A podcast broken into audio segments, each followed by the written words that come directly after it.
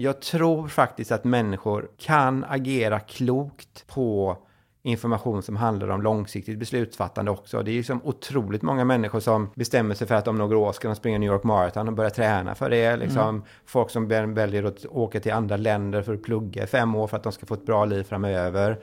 Och kollektivt har vi den förmågan också, tror jag.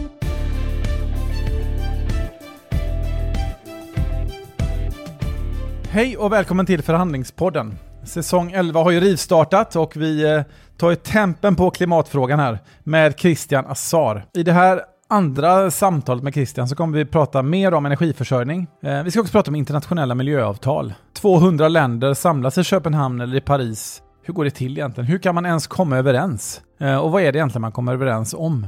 Och hur jobbar man med internationella miljöförhandlingar? Så ska vi runda av och fråga hur ser världen ut 2050?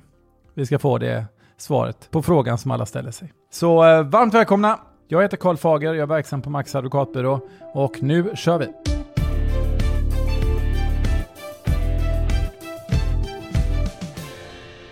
Christian Azar, varmt välkommen tillbaka till Förhandlingspodden. Tack så mycket. Det blev ett otroligt eh, uppskattat avsnitt senast. Är det bra? Har du haft en bra vecka? Ja, allt är bra. Själv då? Ja, men det är fint. Det ja. mm. känns ju som att vi, vi går mot vår, så att eh, varje vecka som går blir både ljusare och varmare, så att det känns ju bra. Så är det, det är härligt. Vi har pratat om politikens roll. Du har ju varit eh, rådgivare till FN, du har pratat liksom, eh, med ledande politiker, varit rådgivare, liksom, du har varit inne i de här salongerna. Vi har ju nu eh, under ett pandemiår sett vad liksom någon slags, ändå ser att politiken, i vart fall om man blir kollektivt väldigt rädda och, mm. och liksom är kapabla att gå ganska långt. Så, den, så länge den politiska viljan finns så, så så finns det ju såklart nästan inga, inga gränser. Hur, hur, liksom, hur går förhandlingen? För det här liksom, varje land är väl liksom lite suveränt i vissa av de här frågorna. Vi har Parisavtalet som, som väl ändå sätter vissa ramar och mål, men, men hur, hur, går eh, förhandlingarna på den internationella nivån för att vi ska uppnå det vi vill uppnå? Ja, men det, du, du säger en sak där som jag tycker är jätteviktig att observera. Eh, och, och, det är att världssystemet är ju egentligen anarkistiskt. Så här. Varje land är suveränt. Det är inte så att man går in i förhandlingar och sen kan 28 länder tvinga ett land att göra en viss sak. Eller okej, okay, nu blir det 28 länder och det låter som EU då, men liksom, mm. det, värld, världens länder kan liksom inte tvinga ett annat land att göra någonting, utan det, världens länder bestämmer själva. I Parisavtalet då till exempel, så är de utsläppsmål som varje enskilt land har satt, det har de satt själva. Det är mm. inte någon som har tvingat dem att göra detta.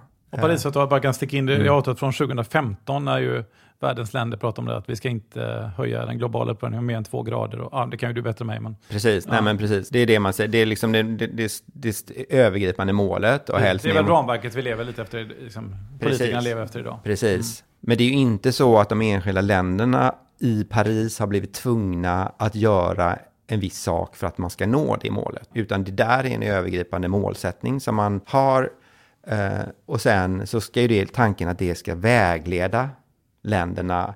Och framförallt tänker jag så här att genom att man kommer överens om det på internationell nivå, då blir det ett argument på, på inhemsk nivå. Så här. Men vi måste göra det här för att vi ska nå Parisavtalet. Mm. Det fungerar normativt. Det är inte som en lag i Sverige så här, liksom att jo, men de har sagt att man inte får köra snabbare än 90 på den vägen. Men det är bara en målsättning. Nej, men om man gör det, då kör man i 130 där, då blir man ju av körkortet. Mm, liksom.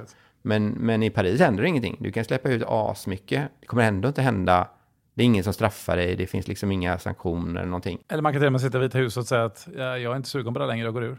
Dessutom, ja, dessutom. Så kan du inte säga som individ i Sverige. Nej, Nej men jag, jag gillar inte den lagen så jag skiter i det. Nej, exakt. Du, eh, hur, hur, går de här förhandlingarna till för övrigt? Hur drivs de? Är det slutna rum eller är det stora församlingar? Hur, mer, mer som, som intresserad av förhandlingar på något sätt. Hur kommer man ens ja, till, ja. till konklusion om man är så många? Ja, nej, men det är en alldeles eh, otrolig historia, höll jag på att säga. men jag ska säga också så här att i FN-systemet så finns det ju två stora processer. Det ena är FNs klimatpanel, IPCC. Mm. Där tar man fram kunskapsunderlaget. Mm. Vad säger vetenskapen om vad som händer med klimatet? Vad säger vetenskapen om vad som händer med hur påverkas eh, växter och isar av klimatförändringarna och, och vilka tekniska och politiska möjligheter, möjligheter har vi att göra någonting åt det?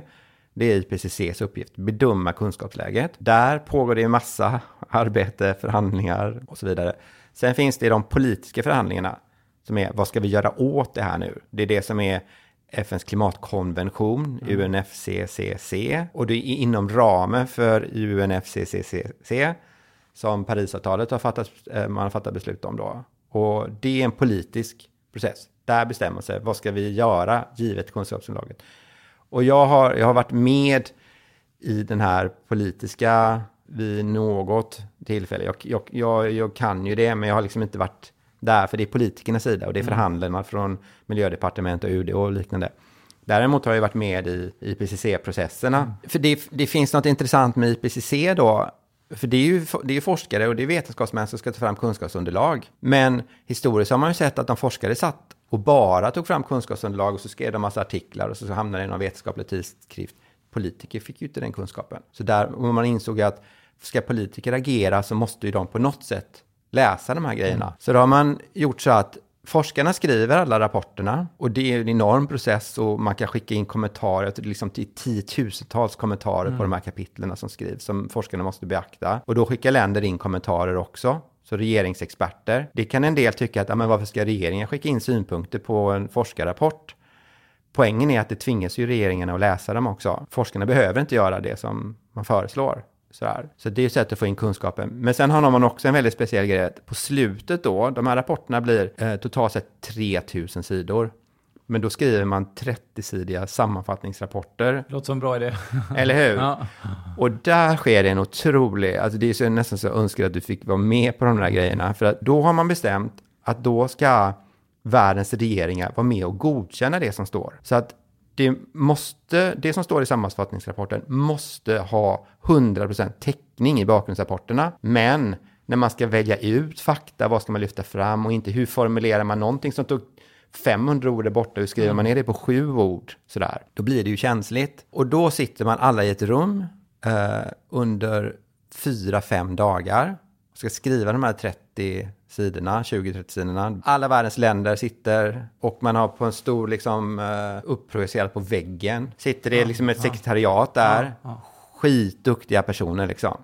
De ska formulera och det finns ett draft så börjar man och så börjar man så här.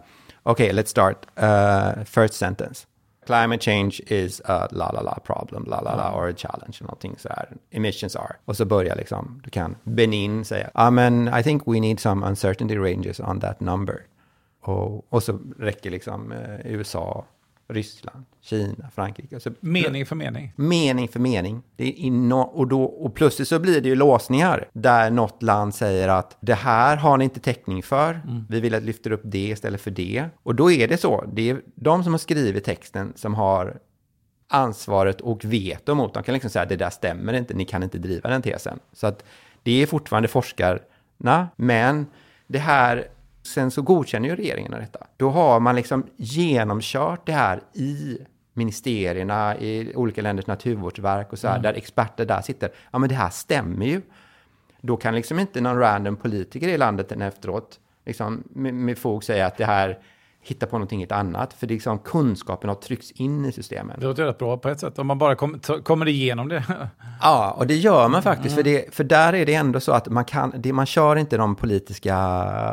Jag upplever inte som man kör så mycket politiskt spel. Däremot så har det varit så här när, när det varit någon som kanske har pushat att bioenergi är en viktig lösning. Mm. Uh, för det går ju att argumentera för det utifrån vetenskapligt perspektiv. Men det går också att säga att expanderar vi bioenergi för mycket, då kanske det leder till att skog, av, vi får mer avskogning. Mm -hmm. Och det finns risker. Hur ska man liksom, vad av de här två sakerna ska man säga, betona? Och då kan det liksom i de här förhandlingarna, kan det vara plötsligt 13 händer upp från vissa länder mm. och 7 från andra. Då gör man breakout groups. Då går man och sitter och så nöter man det där. Sen kommer man tillbaka och så hittar man en balanserad.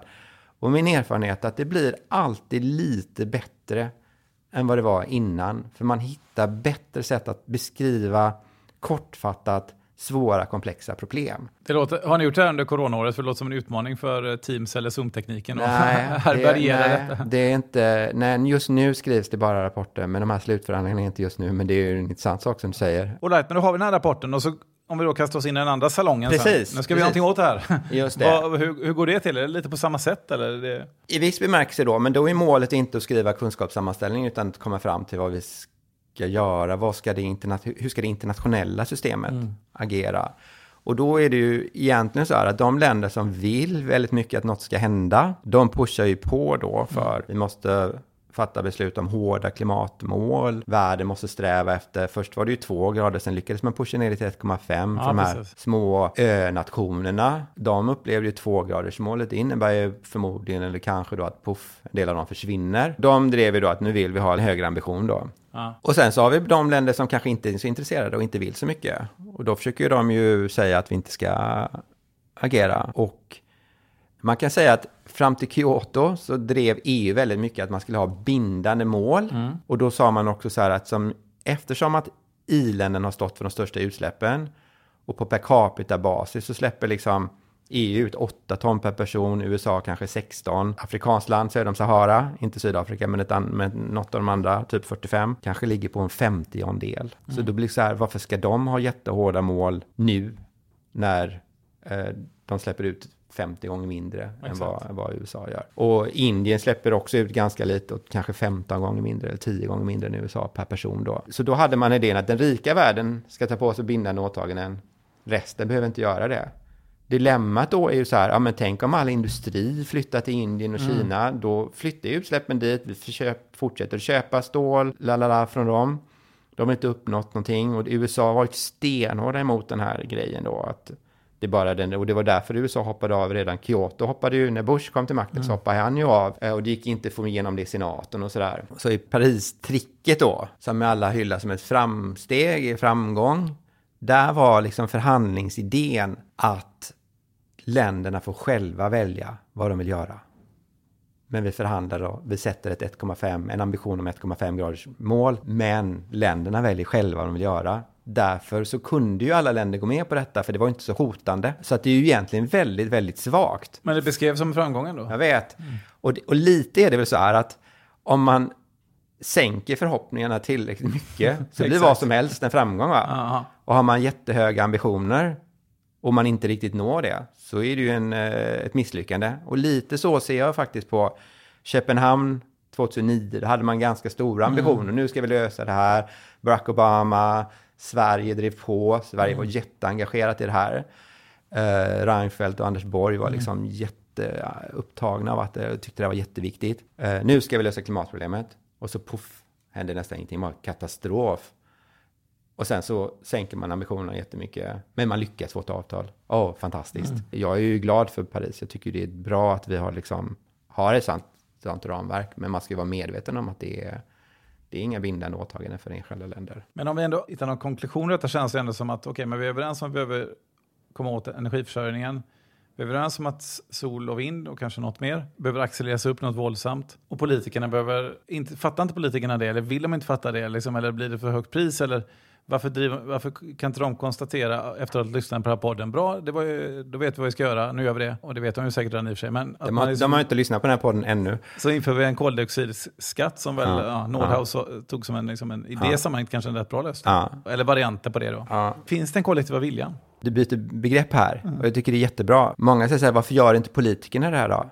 Men politisk vilja är inte bara vad politikerna vill, utan det är också i demokratier är de ju beroende av vad medborgarna vill. Och för att politiker ska ha mandat att införa höga koldioxidskatter eller stora liksom, stödsystem till att bygga ut nya, liksom, satsa på kolfritt stål och så vidare och så vidare. Då krävs det att medborgare gillar detta och vill detta. Och i Sverige så har vi ganska stort stöd för det här. Men i massa länder har man ju inte det. Nej. I USA valde man Trump. Och i massa andra länder så är man, det är ju inte demokratier.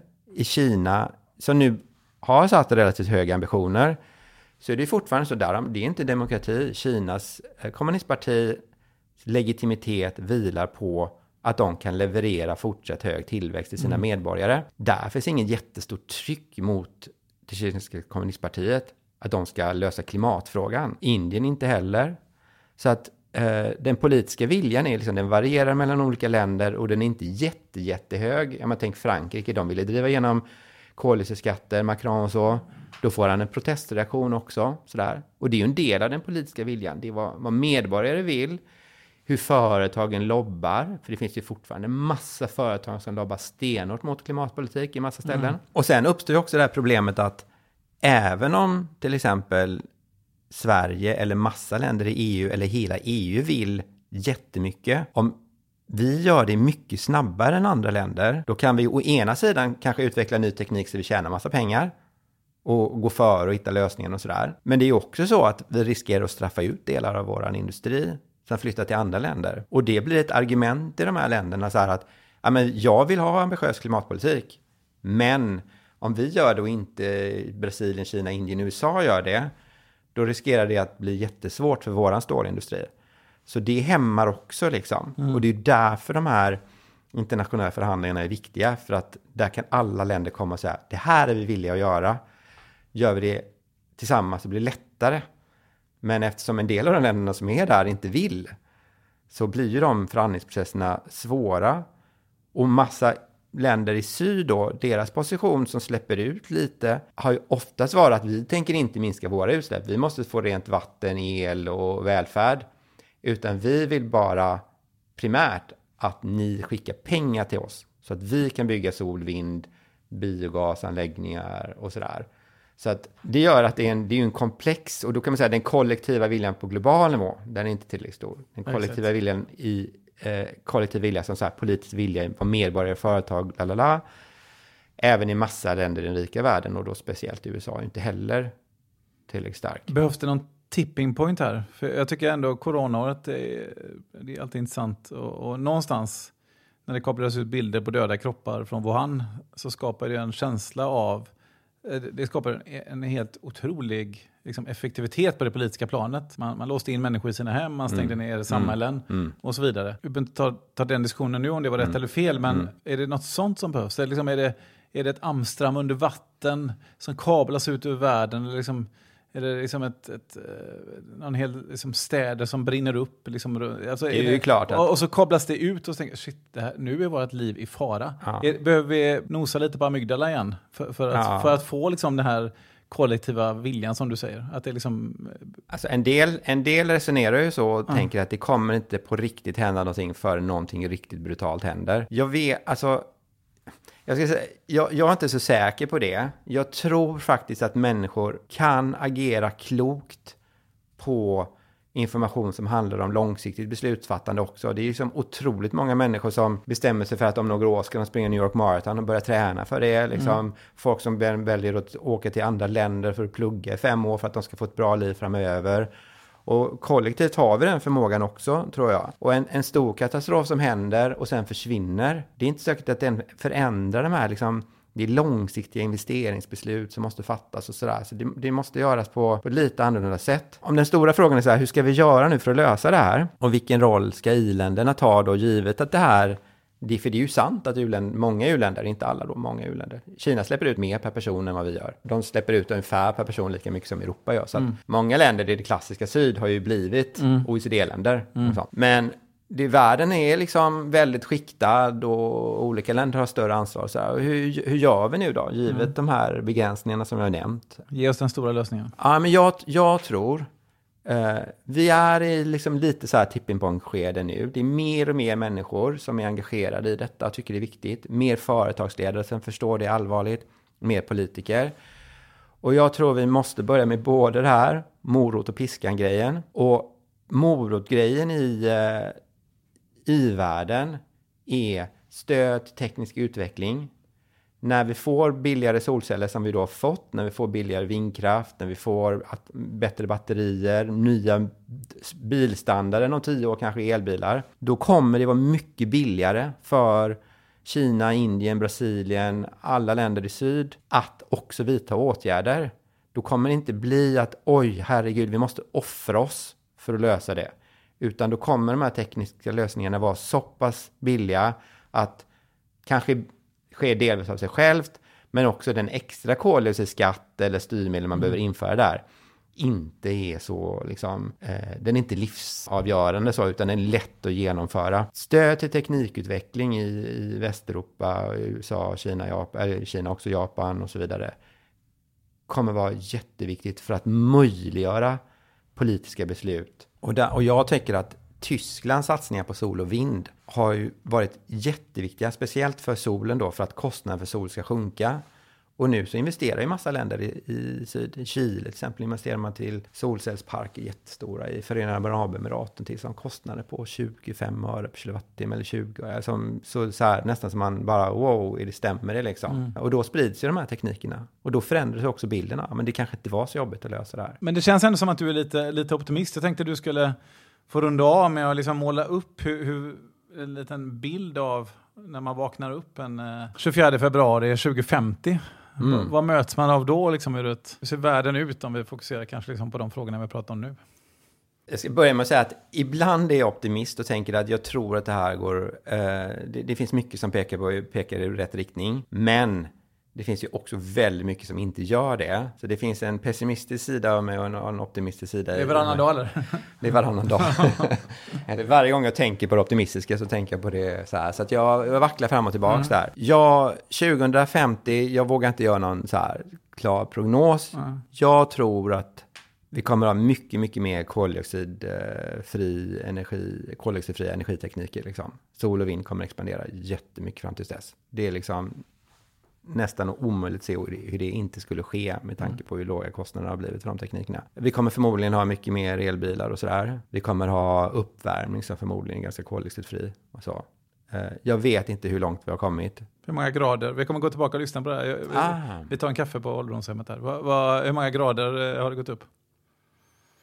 Alltså de sista 40 åren har temperaturen ökat med ungefär 0,15 per decennium. Jag tror nog att vi får räkna med eh, minst och ja, jag ska inte gå in på hur jag räknar på det här nu, men liksom det är mellan 0,5 och 1,5 liksom. Vi är på, på 1,5 till 2,5 graders temperaturökning. Sköter vi det här bra så klarar vi lägre, men eh, det är, ju, det är svårt att det är en oregerlig värld vi mm. lever i. Ja, liksom. det är många okända faktorer. Liksom. Så är det. det är ingen så, enkel ekvation. Nej, den som ger en säker prognos över hur det här ska sluta, den är antingen galen eller dum. Vi tackar för ditt försök. Du, eh, Christian, så stort tack för att du kom till förhandlingsborden. Tack så jättemycket.